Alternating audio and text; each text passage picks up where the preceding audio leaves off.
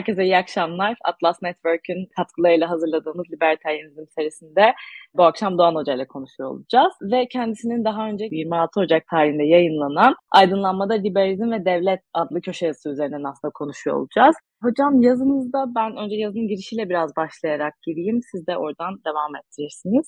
Aydınlanma aslında zihinsel fikir dünyasını çok fazla değiştiriyor. Ve bundan sonra e, doğal olarak insanın içerisinde yaşadığı devlet kavramı, siyasal fikirler, düşünceler ve siyasal yapı özellikle de otorite üzerine farklılıklar yaratıyor. Aydınlanma aslında bir farklılık yarattı. Nasıl bir sürece girdik diyerek başlayayım ben.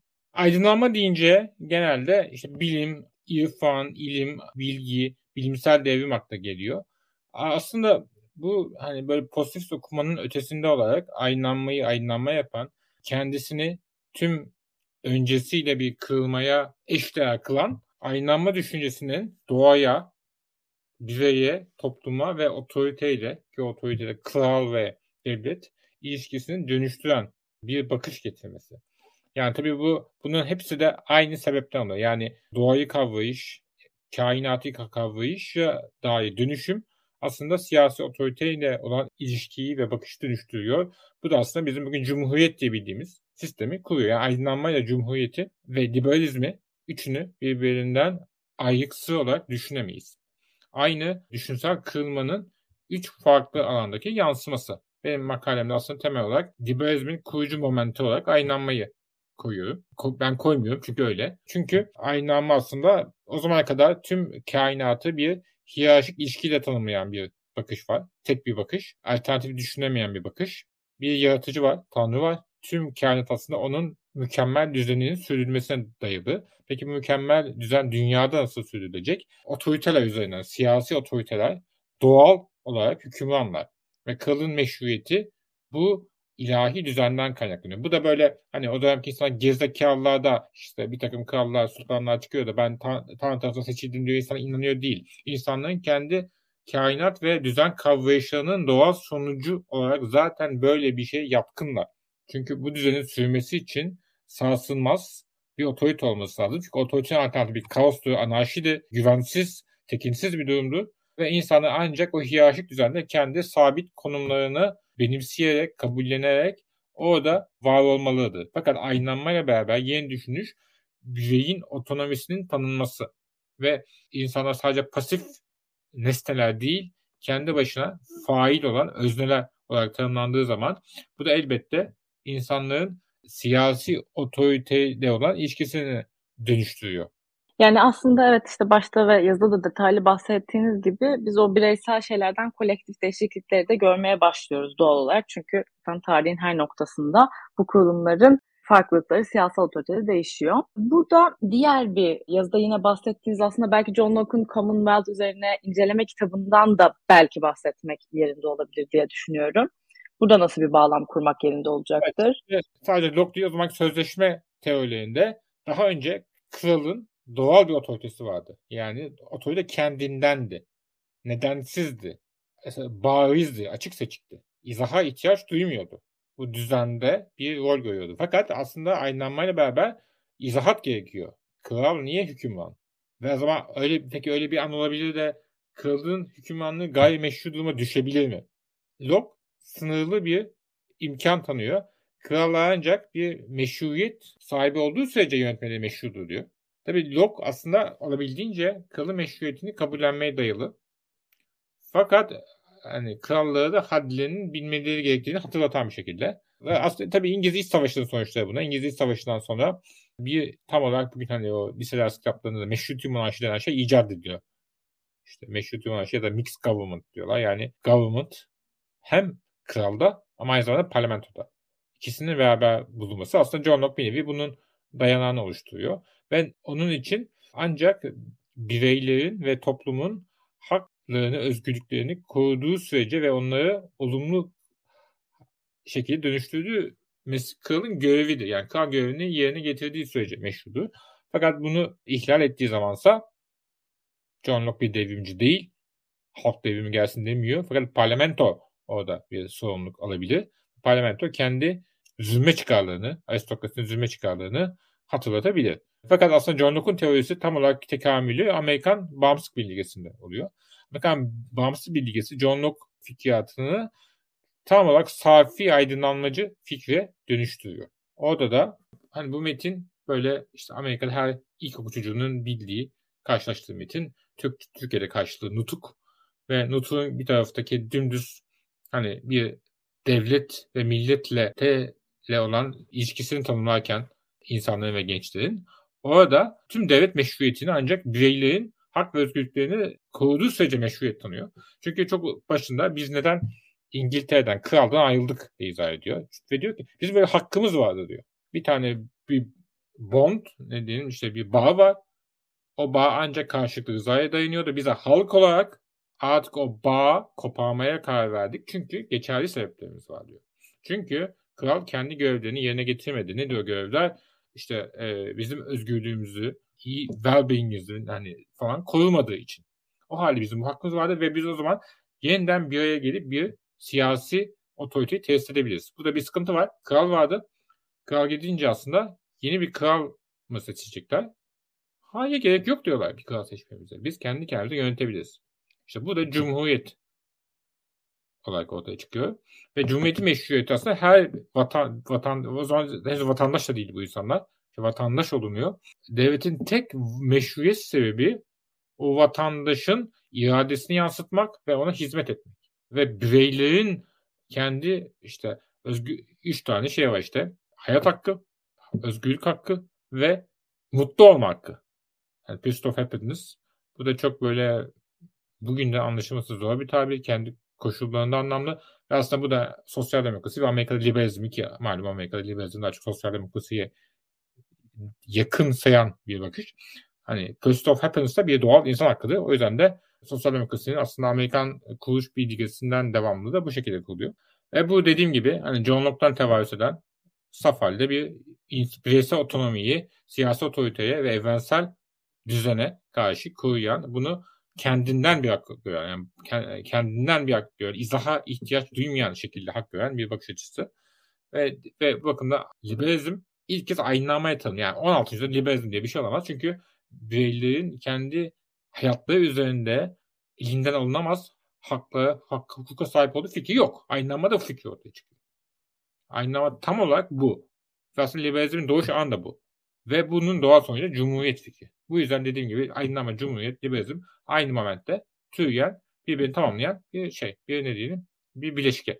Evet aslında hani birbirini tamamlıyor diyoruz ama 19. yüzyılda bu devletin genişlemeye devam etmesini paradoks gibi gören görüşler de var ama aslında biraz daha dikkatli baktığımızda bir paradoks yok ortada. Ya şöyle, bugün de şöyle bir şey var. İşte yani libertaryenizm hani aydınlanma metnini alıyor ve onu bugün uyguluyor.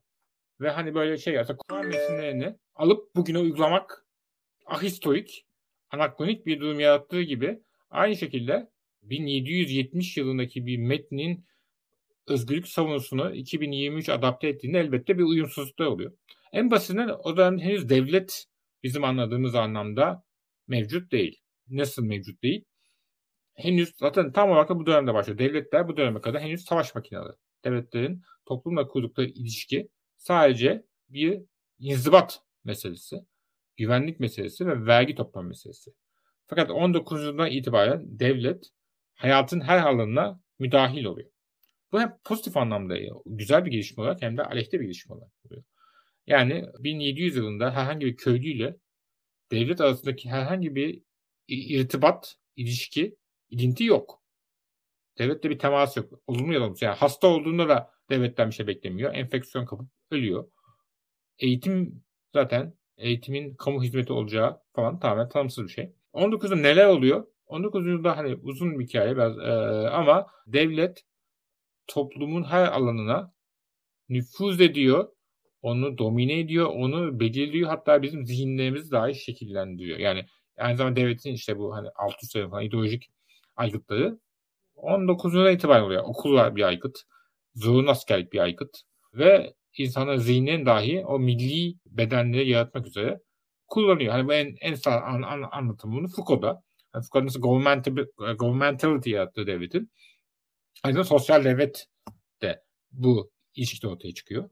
Biraz da demokrasiye geçişte biraz da insanların hani oy oy karşılığı bir takım beklentileri oldukça sosyal emek e, devlette bu dinamikler ortaya çıkıyor. O yüzden de bugün aynanmadaki durum bugün örtüşmediği için aynama bir temel olarak bize yazıda bir temel belirttiğim şeyler bir, bir takım ilkeler sunuyor. Yani özgürlük hakkı, özgürlük hakkı da hayat, her türlü özgürlük. Yani fikir hürriyeti, vicdan hürriyeti, vicdan hürriyetinin doğal sonucu ifade hürriyeti, bireyin bedensel otonomisi yani hiçbir şekilde ona hani karışamayacağı mesela kürtajda vesaire hani kullanılan bir argüman bu. Beden otonomisi. Hani benim bedenim benim kararım tam olarak aslında bunun ifadesi. Bunun yanında kendini bireyin dokunulmaz haklarının olduğu enkabili. Bunlar tartışmayı açık olmayan temel kriterler. Yani bazen baktığımızda aleni olarak bunlara çatışan bir durumda liberal tavır bunları net bir şekilde sınırını çizer. Fakat bunun dışında 2023'te toplumla ve bireyle devlet arasında o kadar grift bir ilişki var ki yani 19 18 yüzyıl normları tanımsız kalıyor. Bunların en basit hani libertaryenlerin en böyle favori argümanlarından bir tanesi. Yani yaklaşık bir Türkiye'de de gündem oluyor. Biraz hani o Facebook gruplarından herhalde başlayan bireysel silahlanma hakkı. Bireysel silahlanma hakikaten 18. yüzyılın ait bir kavram. Niye Amerikan Amerikan anayasasında bireysel silahlanma hakkı var? Çünkü diyor ki biz zorba haline gelmiş, despot haline gelmiş 3. E, İngiltere kralı 3. Ocak karşı ayaklandık. Peki yani öbürsü gözü bizi, öbürsü gün bizi yönetenler de zorbalaşırsa ne yapacağız? İşte o zaman doğal bir haktı. Elimizde silahlarımızı alacağız ve o zorba hükümeti devireceğiz. Tıpkı Trump seçmenlerinin aslında parlamentoyu bastı gibi. Yani orada zorba bir hükümet var. Tanımıyorlar. Ve onu silahlarıyla, güçleriyle indirmeye çalışıyorlar. Gayet mantıklı yani. Sanki yıl 1776-74 Boston Tea Party vakası, çay, çay, çay balyası vakası. Elbette bugün böyle bir şey yapana zaten bir terörist denir zaten ilk başta. Özgürlük Savaşçısı denmez. Çünkü 1774'te ona Özgürlük Savaşçısı. İkinci olarak da zaten o aldığın o silahla ne yapmayı düşünüyorsun? Hani Washington'da işte ne bileyim asker üstü mü, hava üstünü mü e, ele geçireceksin? Ne yapacaksın? Yapacağın bir şey yok. Çünkü hakikaten 1774'te insanlar bireysel olarak silahlanıp bir hükümeti indirebilirler. Bu kadar basit bir şey. Bugün tabii ki komik bir şey. Hani e, silah gelip. Yani aslında dediğim gibi bunun tamamen irrelevant olması. Bugün tabii ki bunun sürmesi iki sebebi var bu Amerika'da bu silahlanma hakkının. Bir tabii ki silah lobisinin meselesi ama aynı zamanda tabii sağ içinde bu bir dava. Ee, hani yanında mobilize oldu. Hani Türkiye'de ve AK Parti'de mobilize olduğu böyle tuhaf gündemler oluyor. Az sonra kendi tabanlarını mobilize tutmak için bir takım şeye sarılma ihtiyacı. Bu da da bunlardan bir tanesi. Ve hakikaten onun için hani Amerikan kuruluşunun temeli olduğu için buna karşı çıkanlar Amerika'nın kurucu değerlerine karşı çıkıyor olmalılar diye güçlü bir e, e, mobilizasyon ve kendini Amerika'nın kuruluşuna bağlama e, stratejisi olarak işte görüyor. Ama dediğim gibi hani 18. yüzyıl kodlarıyla bugün düşün, düşünmemin sınırları konusunda çok net bir fikir veriyor. Yani evet aslında bu böyle başka yayınlarda da size de bazen başka hocalarla da konuştuğumuz bir şey. Bazı kavramları bu liberalizmin içinde vardır. Bakın en liberal yerde var deyip alıp her yere uygulamaya çalışmak aslında e, o tarihi şeyi kaçırıyor noktası bence. Çünkü ve o tarihi bağlamların aslında en büyük bir etkisi var. Burada da şu aydınlanmadan da bahsederken aslında yazıda da değiniyorsunuz yine. Devlet modern dünyanın ve kapitalizmin ortaya çıkınca önemli bir aktör aslında. Yani aktör mü denir emin değilim ama büyük bir rolü var. Burada o zaman e, yeni Weberciler diye tanımladıklarında da devletin bu rolüne sıklıkla eğiliyorlar aslında tanımlarken. Özellikle işte burada belki şeyden ticaret türleri, okyanus ötesi ticaret, sanayi devrimi sonrası kapitalizmin farklılaşması gibi gibi farklı farklı noktaları var aslında. Devleti burada nasıl değerlendirmek lazım? Yani belki de ticari yönde. Klasik liberalizmin, ekonomik anlamda klasik liberalizmin kurucu babası Adam Smith Adam Smith'le kapitalizmin ortaya çıkışı arasında bir ilişki, tam bir örtüşme öngörülüyor. Fakat aslında 1776'da Adam Smith klasik kitabı The Wealth of Nations yazdığında ilk anlamda kapitalizm henüz bu kadar tekamül etmiş değil. Mesela 1830 demir yolları vesaire aslında kapitalizmin 19. yüzyılda o şeyler fabrikalaşma, atölyeler falan ortaya çıkıyor. Yani 1776'da Adam Smith bu kitabı yazdığında hala aslında Amerika, İngiltere kırsal bir yer. Ağırlıklı olarak kırsal bir yer. Ve zaten Adam Smith'in de anlattığı kapitalist ilişkiler yani en azından ekonomik ilişkiler daha çok hani henüz donca örgütlenmelerinden sürdüren bir dönem. Yani Adam Smith bugünkü o finansal aygıtların çok geliştiği, finansal kapitalizmin, çok uluslu şirketlerin kapitalizmin hayal dahi edilemediği ancak birinci ilişkilerin kapitalizmin dine, temel dinamiği olduğu bir dünyadan yazıyor. David Ricardo belki yazdığında artık İngiltere'de kapitalizm daha tanımlanır, tanımlanabilir bir şey haline gelmiş durumda. Ancak kapitalizm de o kadar çok form değiştiriyor ki hani bugünün kapitalisti en başından zaten devletin hiç var olmadığı bir sistemi hayal etmiyorlar. Çünkü onun dışında kapitalizmin sürdürülmesi de mümkün değil. Çünkü en basitten devlet aslında bir inzibat aygıtı olması bakımından liberal kapitalizm için de gerekli bir şey. Çünkü öngörülebilirlik getiriyor. Yani yarın öbürsü gün e, güvenliğin, adaletin ya da toplumsal sadakatin sürdüremediği bir yerde kapitalizm de olmaz. Yani şöyle bir şey. Yarın öbürsü gün toplumsal isyanların sürekli olduğu bir yerde kimse orta ve uzun vadeli yatırım yapmaz. O halde bunun sağlanması lazım. Bu iki türlü oluyor. Hem zor gücüyle, devletin zor gücüyle hem de devletin rıza kapasitesiyle onları sisteme bağlaması kapasitesiyle. Yani 18. devlet zaten yok. Adam Smith yazdığında böyle bir dünyada kapitalizm de bugünkü anlamıyla yok. E, devlet de yok. Fakat 19. 20. yüzyılda başka bir deneyim sunuyor bize. Ve bugün liberalizmi anlamak için dediğim gibi aydınlanmayı ben o makalede temel kurucu an kabul ediyorum. Çünkü yani o kadar çok liberalizm o kadar çok değişiyor fakat kurucu prensip de değişmiyor. Prensip de buna temel ilke. Yani insanın bireysel otonomisi, bunun dokunulmazlığı, bunun kendinden olması yani tartışmaya kapalı olması. Bu ilkeler temelinde değişmiş değil ve bu dediğim gibi bunun kurucu anı, aydınlanma ne öncesi ne sonrası. Fakat 18 yüzyılın çok daha birinci ilişkilerini ağırlıklı olduğu bir sistemle elbette 2023'ü izah edemeyiz. 2003 nasıl izah edebiliriz? Aslında liberalizm normatif bir şeydi. Yani bir değerlerdi. Yani böyle bazen hani bilimsel Marksizm, bilimsel sosyalizm gibi bilimsel liberalizm diye bir şeyden bahs yani nasıl bilimsel sosyalizmden bahsedemeyiz. O bir 19 yüzyıl pozitif düşüncesi. Bilimsel liberalizmden de bahsedemeyiz. Aslında liberalizm falan biraz da böyle bilimsel liberalizm yapmaya çalışıyor. Hani bakın bu bilim söylüyor bunu. Bu bir doğa kanunu, bir, bir sosyal kanun değil. Liberalizm bir normatif ilkeler bütünü. Bu hani 2023'te de 19 18'e kadar geçerliydi. Ama hani ikisinin toplumsal, e, siyasal, ekonomik yapıları farklıdır tabii ki.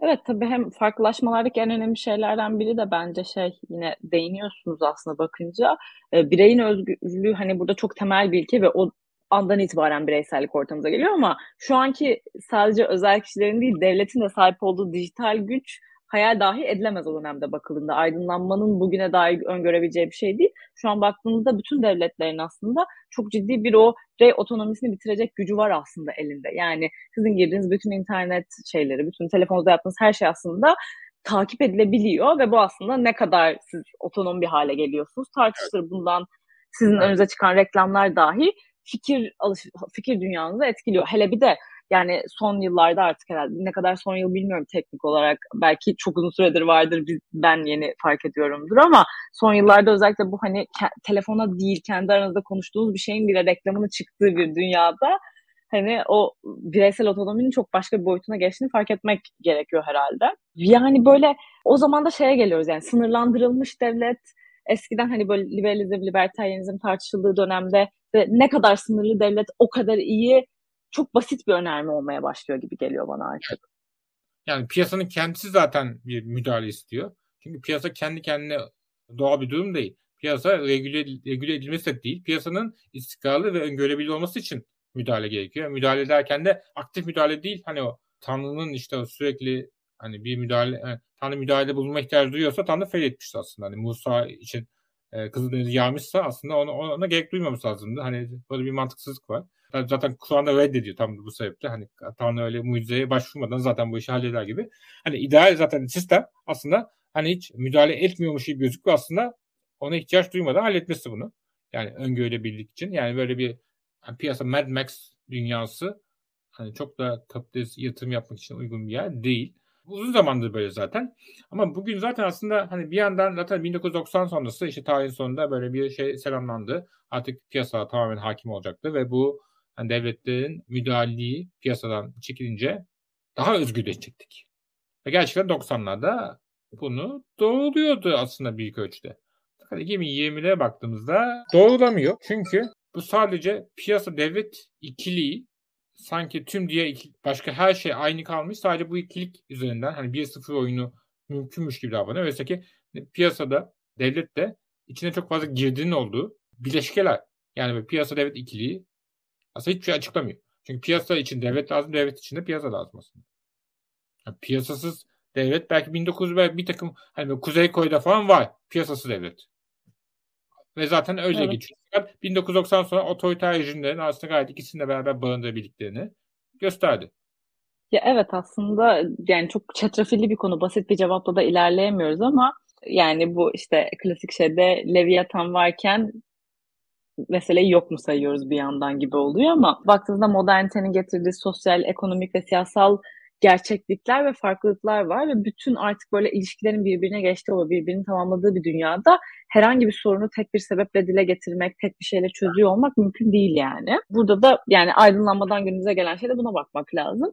Ama işte şimdi diyoruz ya devletin hani piyasa da aslında devletin belli kontrollerini istiyor ama işte burada o meşru otoritenin gerekliliği var diyorsak da onun nasıl sınırlayacağımız ya da onun o sınırları nasıl aşmayacağını kontrol edecek şey hukuk oluyor ama Evet. E, hukuk da devletin kendi yarattığı bir şey mi? O bizim yani ne kadar denetlenebilir bir şey o tartışma ortaya çıkıyor aslında. Evet yani mesela Türkiye'de bir illüzyon vardı. E, aslında Türkiye'de işte bu yani tüm 2010 yetmez Adalet tartışmasına geldi 2010'a kadar yargı kendi kendi kontrol ediyordu. Başka hiçbir şey referans vermiyordu. O zaman mesela birçok için şey çok şok edici fikirdi. Tabii seçim de olmuyordu. Hani üst yargı belirliyordu. Orada aslında ne kadar demokratikleşeceğini şöyle anlatıldı. Bir takım parlamento seçecek bazı şeyleri, bazı üyeleri. Bu zaten Avrupa'da böyle. Bir yandan kendi içinde seçim yapacak. Bir taraf için bu şok ediciydi. Çünkü zaten yargı kendinden işliyordu. Ne güzel. Aslında öyle olmuyordu. Aslında orada bir, ves bir vesayet sistemi vardı. E tersinde de siyaset kurumu ve diğer başka kurumlar müdahale olunca da hukuk etmedi. Yani hukuk böyle hakikaten hukuk var biz bunu yakalayacağız diye bir şey yok. Ama hakikaten çok dışarıda saf bir şey bakıldığında böyle mesela bir şey ise yetmez evet şey karşıtlığında da şey var. Hani zaten hukuk vardı. Hukuk yoktu aslında. Ama bir hukuk karar veren otorite değişti. Hukuk karar veren siyaset haline gelince o zaman başka bir hukuk oldu. Ya yani, evet aslında işte oradaki kendi kendine var olabiliyor muydu, var mıydı, yok muydu tartışması böyle çok basit bir ikilik. Şey hayalimizde piyasa gibi hukukta hani şey var ya hukuksuzluk var. Hukuk gelecek. Aslında hukukun gelmesi kendisi siyasal bir şey. Ama işte bu siyasal ya evet. Hani en başarılı bir şekilde hakikaten gelişmiş demokrasiler bunun becermiş. Yani bu becerilmiş şey dünyada yok değil. Hani evet doğru. Değil. Batı Avrupa hani orada zaten mükemmel olmadığını herkes biliyor. Ama hani e, demek yapılabiliyor. Ama bunun sebebi hukuku kazanacağız değil. Hukuk siyasal olarak hukukun üstünlüğü kurulabilir bir şey. Yani hukukun üstünlüğü için siyasete ihtiyacımız var. Paradoksal evet doğru yani. Aynen. Bir de ben şunu da düşünüyorum. Mesela yakın bir zamanda tartıştığımız da bir şeydi. İşte bu Adalet Bakanlığı bunun ya da Adalet Bakanı'nın kendisinin pozisyonu yani mesela uygulayıcı birimi olmalı, teorisyen birimi olmalı tartışmasında da aslında bu ortaya çıkıyor. Yani sorun orada bizim devlet olarak odaklanmamız gereken şey uygulamanın kendisi mi yoksa işte siyasi olarak hukukun üstünlüğü ve temel hukuk felsefelerini oluşturduğumuz ve gerisini kendine saldığımız bir hukuk sistemi mi aslında aradığımız şey noktasına gidiyor. Yani belki onun da otonomisi, bireyin otonomisi gibi kendi otonomisine ihtiyacı duyan bir şey olabilir piyasa gibi. E, ama ne kadar olduğu e, Zaten bu önemli. Kod yani bu, bu yani siyasal oldu bu kadar aleni olan dünyada hani, hani Türkiye'de siyasal ama siyasal değilmiş gibi davranılıyor. Yani çünkü bizim alıştığımız hukuk kültürü böyle. Amerikan Supreme Court'ta açık seçik siyasal pozisyonlar alınıyor. Ve bu da aslında yanlış görülmüyor Amerikan kültüründe yani. Çünkü siyasal evet. pozisyon olsun diye, kürtaj karşı olsun diye adam getirmiş oraya. O da bir toplumsal dayanağı var işte. Senato'ya, e, başkanlığa kürtaja karşısın diye seçmişler. Onlar da Supreme Court'ta adam onu şey yapıyor. Bu hani kendi içinde tutarlı bir şey. Evet.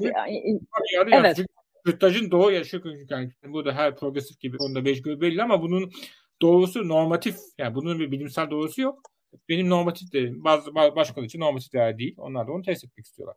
Evet aslında yani hukuk böyle konusu çok tartışılıyor ama yani işte o normatif anlayışlarımızla beklenti siyasetle hukukun ne kadar iç içe geçmesi noktası belli temel prensipleri koyduğunuzda aslında kendi kendine işlemesi ve belki de yüksek evet. yargıdan böyle evet.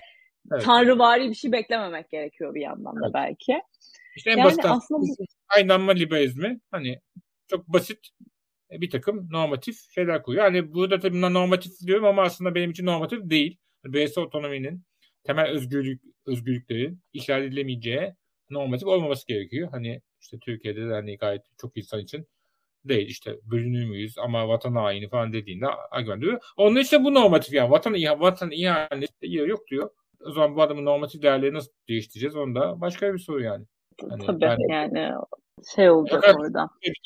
O yüzden dedim biz Amerikan bağımsız bilgisi nüfusu karşılaştığımızda hani birçok şey açık açık oluyor zaten. Amerika'da hani hani bir takım temel hak hürriyetler şey var. Türkiye'de hakikaten bir takım norm, en normatif değer vatan vatanın yani vatan hainliği yani hakikaten bu insanın set of mind'i bundan oluşuyor.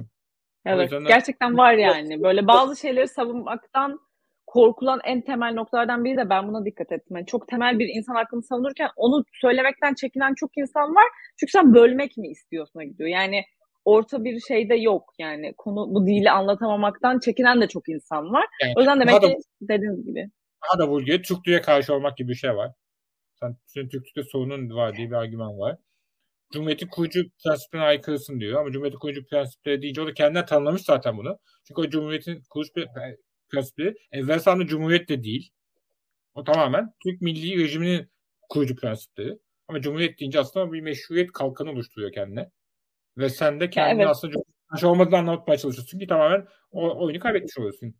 Onu evet, çünkü aslında tartışma zeminin o değil yani bir, evet. bir noktada. Yani bu yazıda aslında biraz şeye de değiniyorsunuz. Onu da ben belki altın çizmekte fayda var. Biraz Adam Smith'ten de doğal olarak tabii bu süreçte bahsediyor. Smith bakıldığında yani İskoç aydınlanmasının bir sonucu gibi aslında görüşleriyle diyebiliriz herhalde. Oradaki Smith'in işte bu sanayi devrimi sonrası kapitalizmin kapitalizm algısına nasıl bir katkısı olduğunu belki tartışmakta evet. fayda olabilir. Adam Smith'i okuyan biri zaten insanın kafası Adam Smith'in o kitapta bulamaz. Ne liberal bulur ne sosyal var. Sosyalist içinde işte kapitalizmin me meşrulaştırısı falan görüyorlar. Yok öyle hiç adım öyle derdi var. Bu tamamen hani onun zaten önceki kitabı The, The, The, The Theory of Moral Sentiments falan baktığımızda adam tam bir düşünü. Adamın kafasında kapitalizmi aklamak ya da falan yok adam. Adamın zihin, adam zihin, zihni berrak ve aynı, İskoç aydınlanması içinden düşünen ve bunu aslında ekonomi adapte eden bir düşünü. Bu adam iktisatçı da değil. Bu adam düşünü. Düşüncelerini iktisat alanına uyguluyor sadece. Mesela aslında Nozick de öyleydi. Yani Nozick tam bir analitik felsefeciydi. Hani liberteryendi. Ama aslında liberteryenizmi kendi hani o analitik felsefesinin bir, bir nevi applied hale getirilmesinden ibaret. O da bir düşünce egzersizi. O hani hayata değen bir şey değil aslında. O bir felsefeci, felsefe evet yani. Tamam felsefe içinde düşünen insanlar bunlar. Aynı tamam felsefe içinden düşünülen bir şey aslında. Hani orada toplum yok. Orada ne bileyim o drift toplumsal ilişkiler yok. Onların zihni dünyasında bunlar yok. O yüzden de hani inanmayla ilgili bir sıkıntı da aslında bu felsefi şeyleri felsefi felsefiden öte alanlara uygulamak felsefi olan temel bize prensipler sunuyor. Ama hani aslında app, applied olarak da bir takım normatif felsefi çerçeveleri, normatif sonuçlarını applied olarak da toplumsal ve siyasal ilişkileri biz uygulamakla mükellefiz ya da mükellef değiliz de uygulayabiliriz. Evet aslında şimdi yorumlarda da vardı biraz e, anayasalara ilişkin işte bu anayasalar daha basit olsun, çerçeve olsun fikri de yani iki çeşit anayasa var bilmeyenler için. Hani bir çerçeve bir de böyle bizim güncel anayasamız gibi böyle dıdık dıdık düzenleyen. Ya belki o işte felsefi akımların, sosyal akımların diyeyim işte aydınlanma gibi bunların temel prensiplerinden belki bunlara bağlı anayasalar yapıp sonra ya ıcık cinci düzenlememek gerçekten daha sağlıklı evet. olabilir işte. Biraz yani, hantal kalınabiliyor orada. Zaten 12 anayasası her şey düzenliyor. Aslında onun mantığı ne? Yani biz bir anayasaya koyalım ki sonra siyasetçiler onu çıkartamasın diye hakikaten çıkartamıyor. Aslında mesela AK Parti döneminde de bizi bir, biraz koruyan da o zaten. 12 Eylül anayasasında her şey yazdıkları için o bir avantajlı oluyor bazen. Aslında anayasa değerler sunar. Sunması gerekir. Hani mesela YÖK, YÖK de işte rektörlerin atanacağı falan yazmaz yani. Ya bir şey söyleyeceğim. Şey örneğini vereyim mi araya? YÖK yine hadi YÖK ve rektör ataması hadi diyeyim. Türkiye'de bu kadar detaylı. Şu anki anayasada bilmeyenler için şey var ya futbol tahkimiyle ilgili madde var. Futbol tahkimi maddesi var. Neden var? Tabii Türkiye'deki en güçlü lobilerden biri tahmin edersiniz. Lobicilik bizde yok güya ama hani en güçlüsü futbol lobisi sanırım. Öyle bir kanun yapıldı. Anayasa Mahkemesi bu anayasaya aykırı deyip iptal etti anayasaya soktular. Ne zaman yani böyle bir anayasa... Ne zaman? Herhalde bir 5-6 yılı var yine ya. Hani ha, evet. E, mevcut hükümet döneminde ama komik bir şey. Ulusal konsensus oluyor partiler. O çok komik. Ya evet yani hiçbir konuda şey yok. Bu o yüzden çok komik yani bu kadar şeye gerek var mı yok mu? Daha temel değerlerde anlaşıp işte aslında benim komiğime gelen de biraz şey oluyor böyle işte 12 Eylül yani askeri darbe anayasalarını hepimiz burada eleştiriyoruz yani yapılış şekli bakımından özellikle diyeyim hani içerik ayrı bir konu ama yani askeri anayasaları, darbe anayasalarını eleştiriyoruz ama o incik cincikli gelen sivil hükümet de devam ettirmeye çok eğilimli oluyor. E, o da nasıl evet. bir bireyselleşme, nasıl özgürleşme tartışılıyor. Tartışılır yani bir yandan da.